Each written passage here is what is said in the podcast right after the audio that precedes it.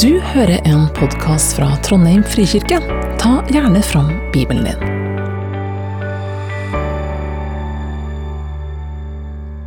Dagen etter ville Jesus dra fra Galilea. Da fant han Philip og sa til ham, 'Følg meg.' Philip var fra Besaida, den byen Peter og Andreas var fra. Philip traff Nathaniel og sa til ham, 'Vi har funnet han som Moses har skrevet om i loven, og som også profetene har skrevet om.' Det er Jesus fra Nasaret, Josefs sønn. Kan det komme noe godt fra Nasaret? sa Nathaniel. Philip svarte, Kom og se. Jesus så Nathaniel komme gående og sa, Se, der er en sann israelitt, en som er uten svik. Hvor kjenner du meg fra? spurte Nathaniel.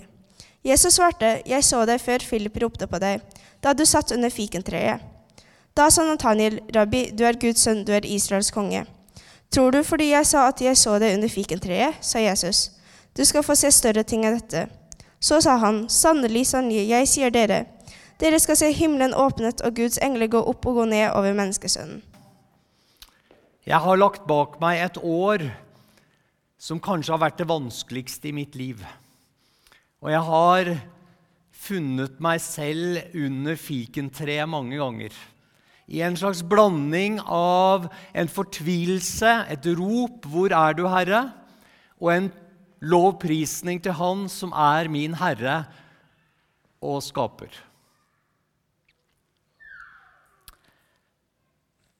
Før jeg sier noe mer, så må jeg nesten få lov til å kommentere jakka jeg har på meg i dag. Den tok jeg nemlig med meg når jeg skjønte at jeg skulle få lov til å møte den kinesiske misjonsgruppa. Eh, noen vil kanskje gjenkjenne stilen på jakka. Eh, men dette er jakka som jeg kjøpte i Kina eh, når jeg besøkte Kina for en del år siden. Jeg har vokst opp i et hjem der vi ba for misjonærene i Kina og i Etiopia hver kveld. Og Først når jeg nærma meg 50 år, så fikk jeg lov til å besøke Kina for første gang. Og Da jeg satte mine ben på kinesisk jord, eh, så kom det noen tårer nedover øyekroken. Litt på grunn av at jeg var så rørt over endelig å være i Kina, men kanskje aller mest fordi kofferten sto igjen i Amsterdam. Eh, og Jeg skulle jo være der noen dager, og jeg visste ikke når kofferten kom. Og jeg trengte en bukse, en jakke, en skjorte, noe å skifte på. Eh, så en hyggelig kinesisk dame som møtte meg på flyplassen og skulle ta meg med til kirka jeg skulle være i, hun eh, tok meg med innom en Obs-lignende butikk og fulgte meg inn. og Vi så på noen jakker og bukser. og... Eh, og jeg så på noen med enda tydeligere kinesisk snitt, men de likte ikke hun, eh, så hun syntes jeg skulle ha denne. Så her kommer synodelederen fra Norge og treffer en kinesisk dame som jeg aldri har møtt før. Og jeg er såpass tøffel at jeg tar den jakka hun sier jeg bør gå med. Eh, og så er jeg litt stolt, for det er den eneste jakka jeg har i størrelse ekstra, ekstra, ekstra, ekstra large. Så ble det litt mer pinlig når jeg skulle se på boksere og liksom bort til undertøysavdelingen, for jeg gikk liksom rett bort til, til large.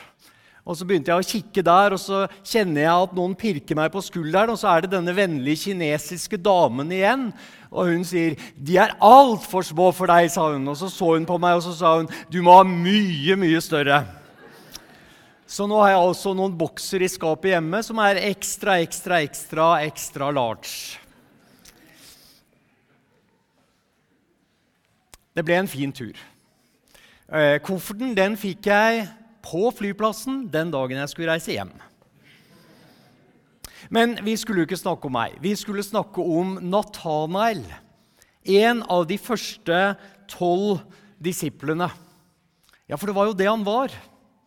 Og Vi hørte i teksten her at Philip møtte Jesus først. Philip og Nathanael kjente hverandre.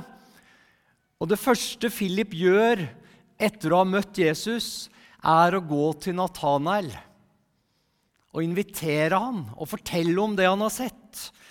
Men Natanael han rister på hodet og sier, 'Kan det komme noe godt fra Nasaret?' Og Philip han gir seg ikke. Han prøver ikke å diskutere med Natanael, men han sier, 'Kom og se'. Det er vel kanskje dette sitatet du forbinder med Natanael, hvis du i det hele tatt har tenkt på at det finnes en Natanael i Bibelen. Kan det komme noe godt fra Nasaret? Så leste vi videre at når Natanael får et møte med Jesus, så overrasker Jesus ham og sier, 'Jeg så deg allerede før Philip fortalte deg om meg.' 'Jeg så deg under fikentreet.' Og Da sier Natanael, 'Rabbi, du er Guds sønn. Du er Israels konge.' Så hvem var nå egentlig Natanael? Jo, han var altså en av de tolv. Mange mener at Natanael var den samme disippelen som kalles Bartolomeus i de tre andre evangeliene.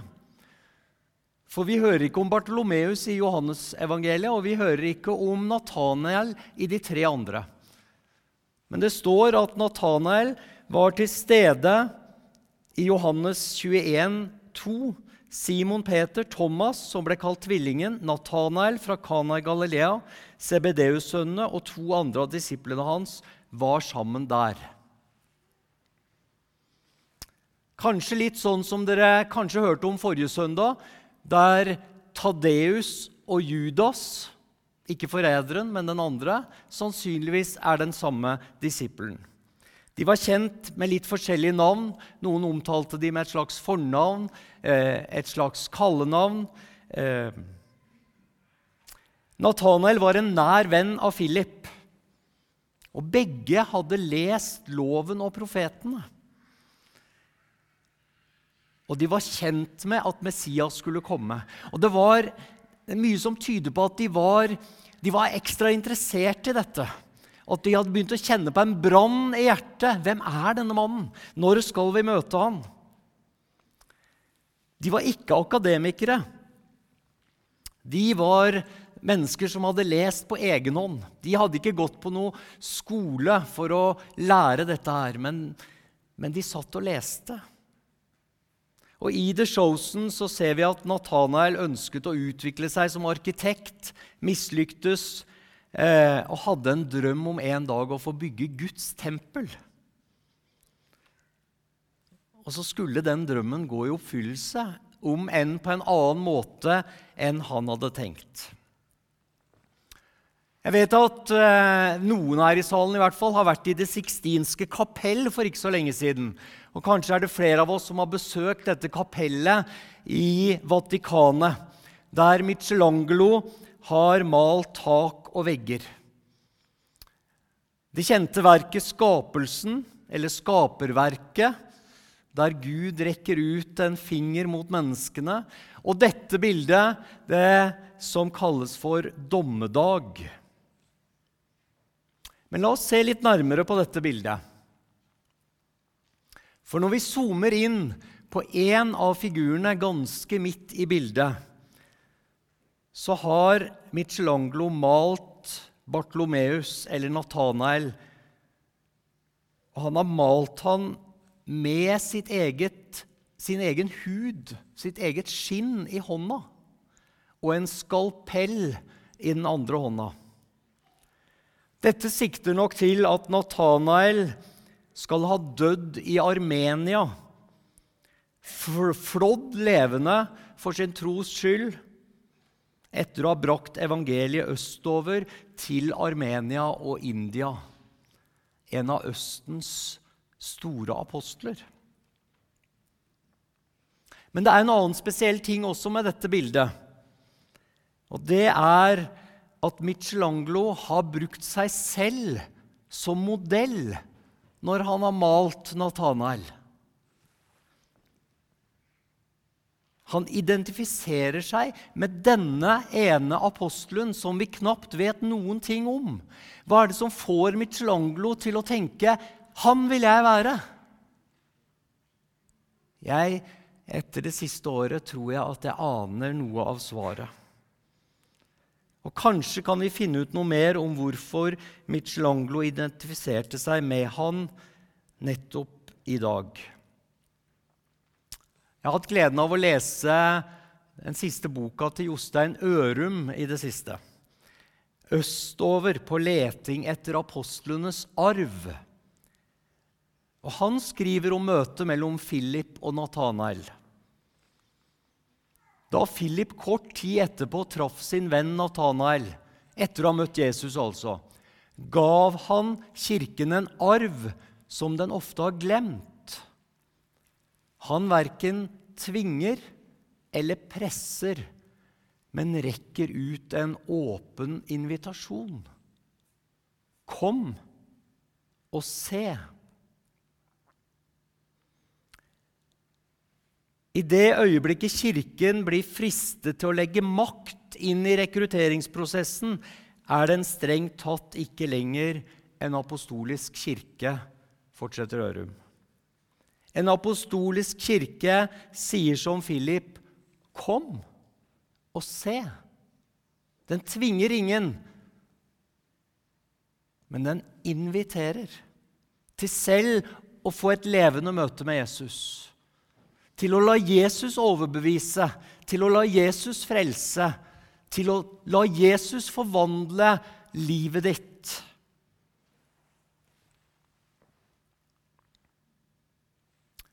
Jostein skriver også om Natanael at han ikke var noen høylytt mann. Peter og de andre overdøver ham. Natanael havna i fotnotene mer enn i selve fortellingen. Og det er mulig han gjemmer seg i Getsemanehagens skygger, men vi kan ikke se han. For Matteus var det kanskje motsatt. Han var veldig tydelig. Men etter, i ettertiden så har vi hørt lite om Matteus.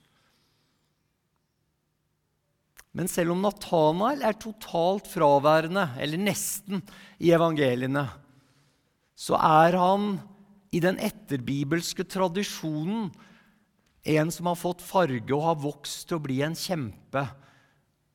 Ja, Det er til og med mulig i dag å skimte sporene av ham hvis man reiser gjennom Armenia og inn i India.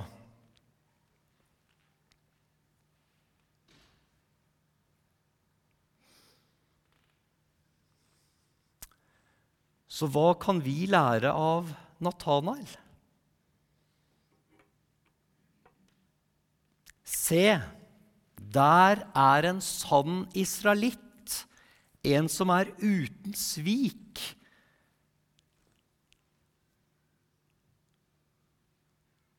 Hvordan kunne Jesus si det om denne mannen, som ikke fiksa livet, som eh, satt under et fikentre og kanskje hadde mislykkes?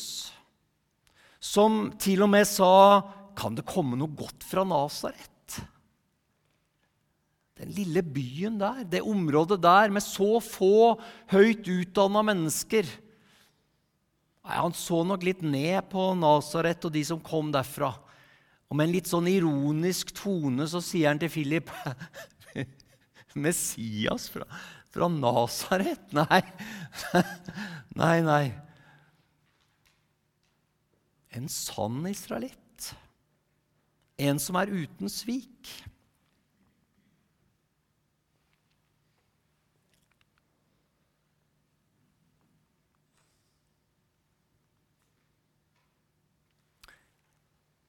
I 1. Korinterbrev 1, fra vers 26, så blir vi minna om at det handler ikke om hvor du kommer fra, eller hva slags rykte du har, eller hvor stor og stolt tradisjon du står i. Når Paulus sier, 'Se på dere selv, søsken, dere som ble kalt', ikke mange vise etter menneskelig mål, og ikke mange med makt eller av fornem slekt, men det som i verdens øyne er dårskap, det utvalgte Gud for å gjøre de vise til skamme. Og det som i verdens øye er svakt, det utvalgte Gud for å gjøre det sterke til skamme.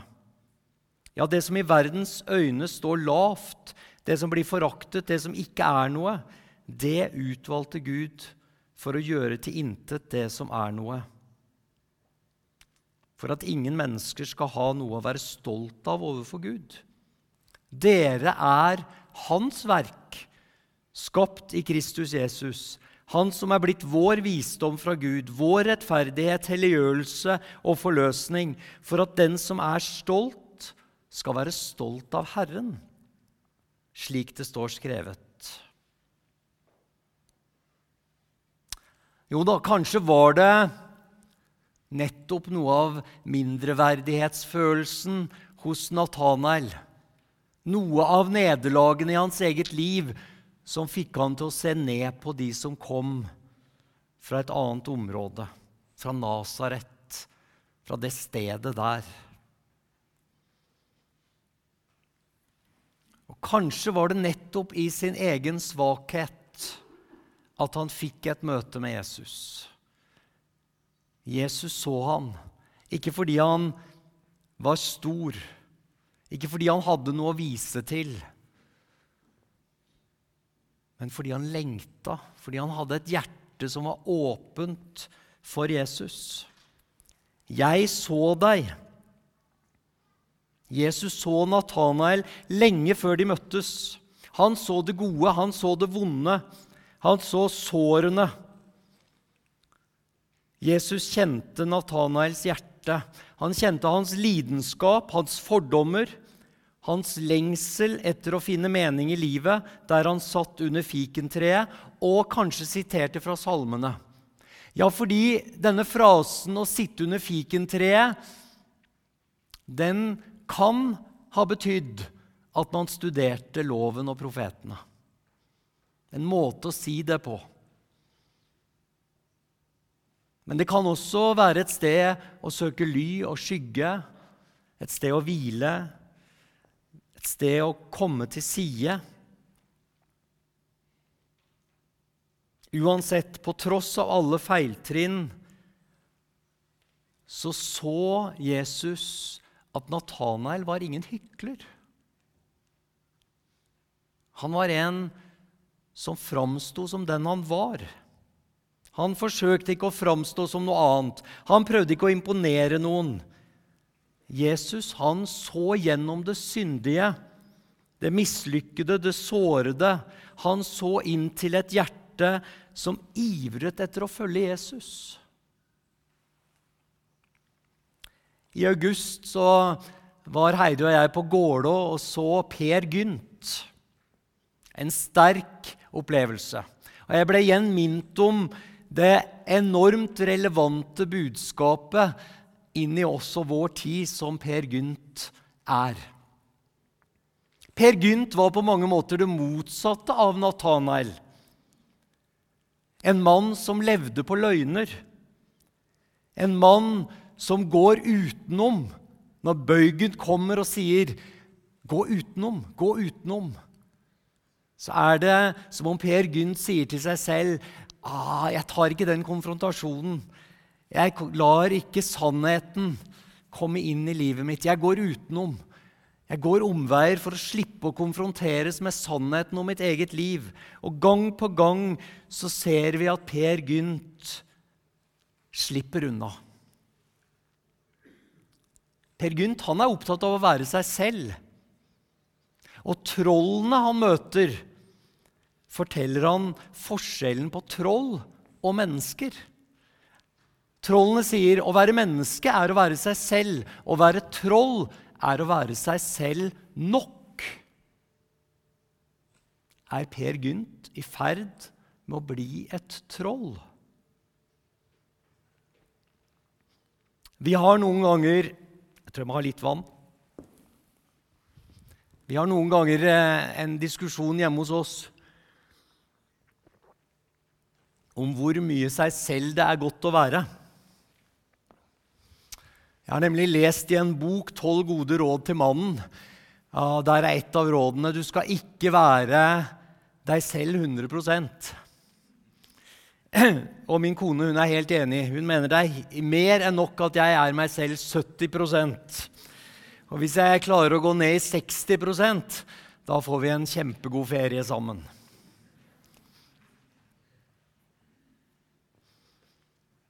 Men hva er det nå å være seg selv? Mot slutten av stykket så møter Per Gynt knappestøperen. Per Gynt har feila og skal støpes om. Og Per Gynt blir redd og sier, 'Hva er det nå egentlig å være seg selv?' Og knappestøperen svarer, 'At være seg selv er seg selv at døde'. At være seg selv er seg selv at døde. Da tenker jeg umiddelbart på teksten 'Du skal vokse, jeg skal avta'. Jeg skal bli mindre og mindre meg selv, rett forstått, slik jeg er i meg selv, og mer og mer lik Jesus. Og var det ikke nettopp det som hadde vært drømmen til Philip og Nathanael? Et ønske om å få lov til å følge en som kunne forvandle livene deres. Om å få møte Messias, den lovede, som skulle komme og gjøre alle ting nytt.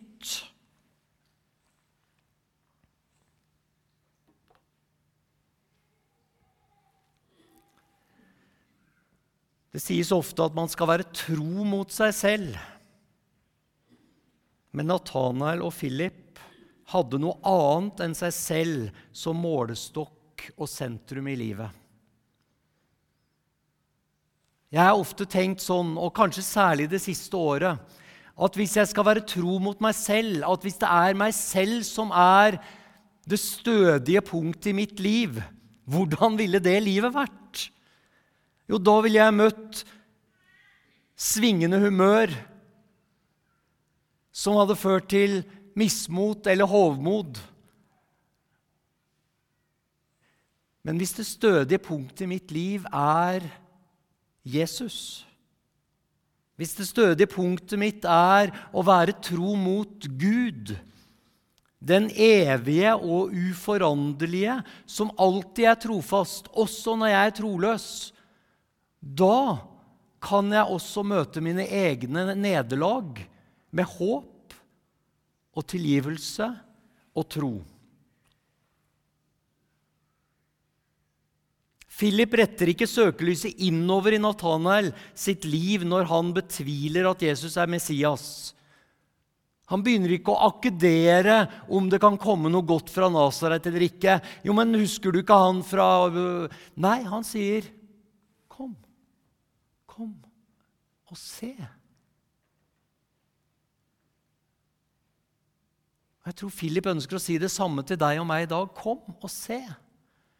Kom og se en mann som så deg mens du satt under fikentreet.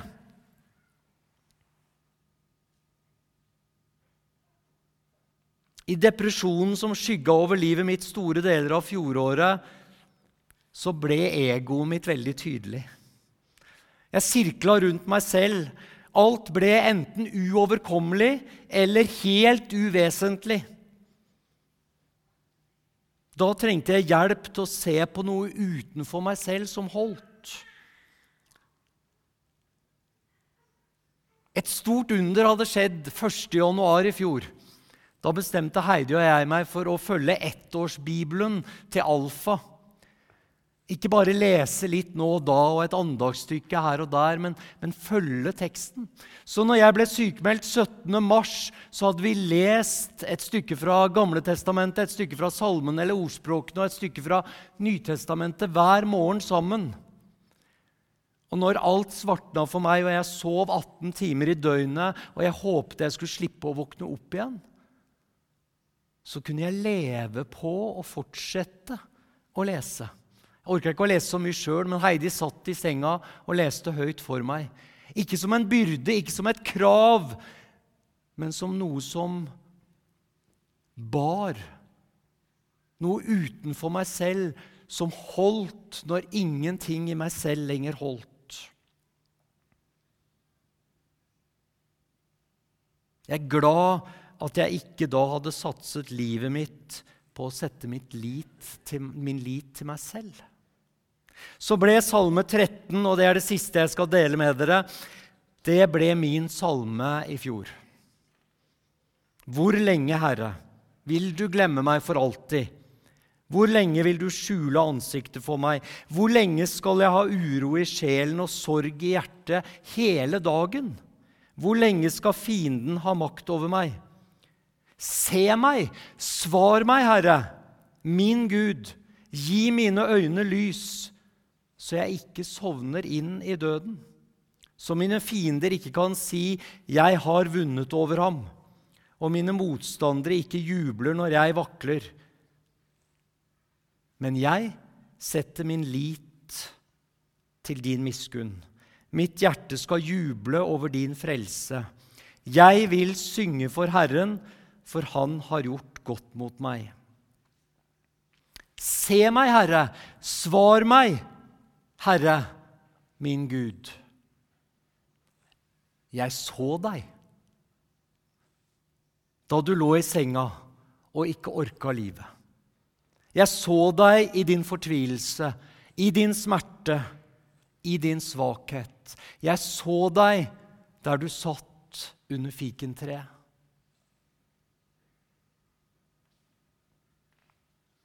Men jeg setter min lit til din miskunn. Mitt hjerte skal juble over din frelse. Å leve med Jesus er ikke å gå ifra et miserabelt liv til et vellykka og godt liv.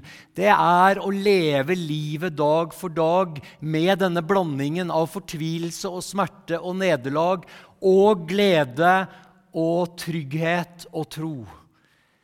Salme 13 er ikke for meg eh, en hendelse som starter i fortvilelse og ender i trygghet. Nei, for meg så ble dette hvor lenge, Herre, vil du glemme meg for alltid? Jeg vil synge for Herren, for Han har gjort godt mot meg. Svar meg, svar meg, Herre, men jeg setter min lit til din miskunn. Vil du glemme meg for alltid? Det var et kaos. Ikke hos Gud, men hos meg. For Gud så meg. Og Allerede i 1. Mosebok 16, 13 får Gud nettopp dette navnet som han ønsker å formidle til deg denne formiddagen. En Gud som ser. Vitnesbyrdet 'Du er en Gud som ser meg'. Et holdepunkt i livet, uansett hva som møter deg, uansett hva som er ditt fikentre. Jeg så deg mens du ennå satt under fikentreet. Amen.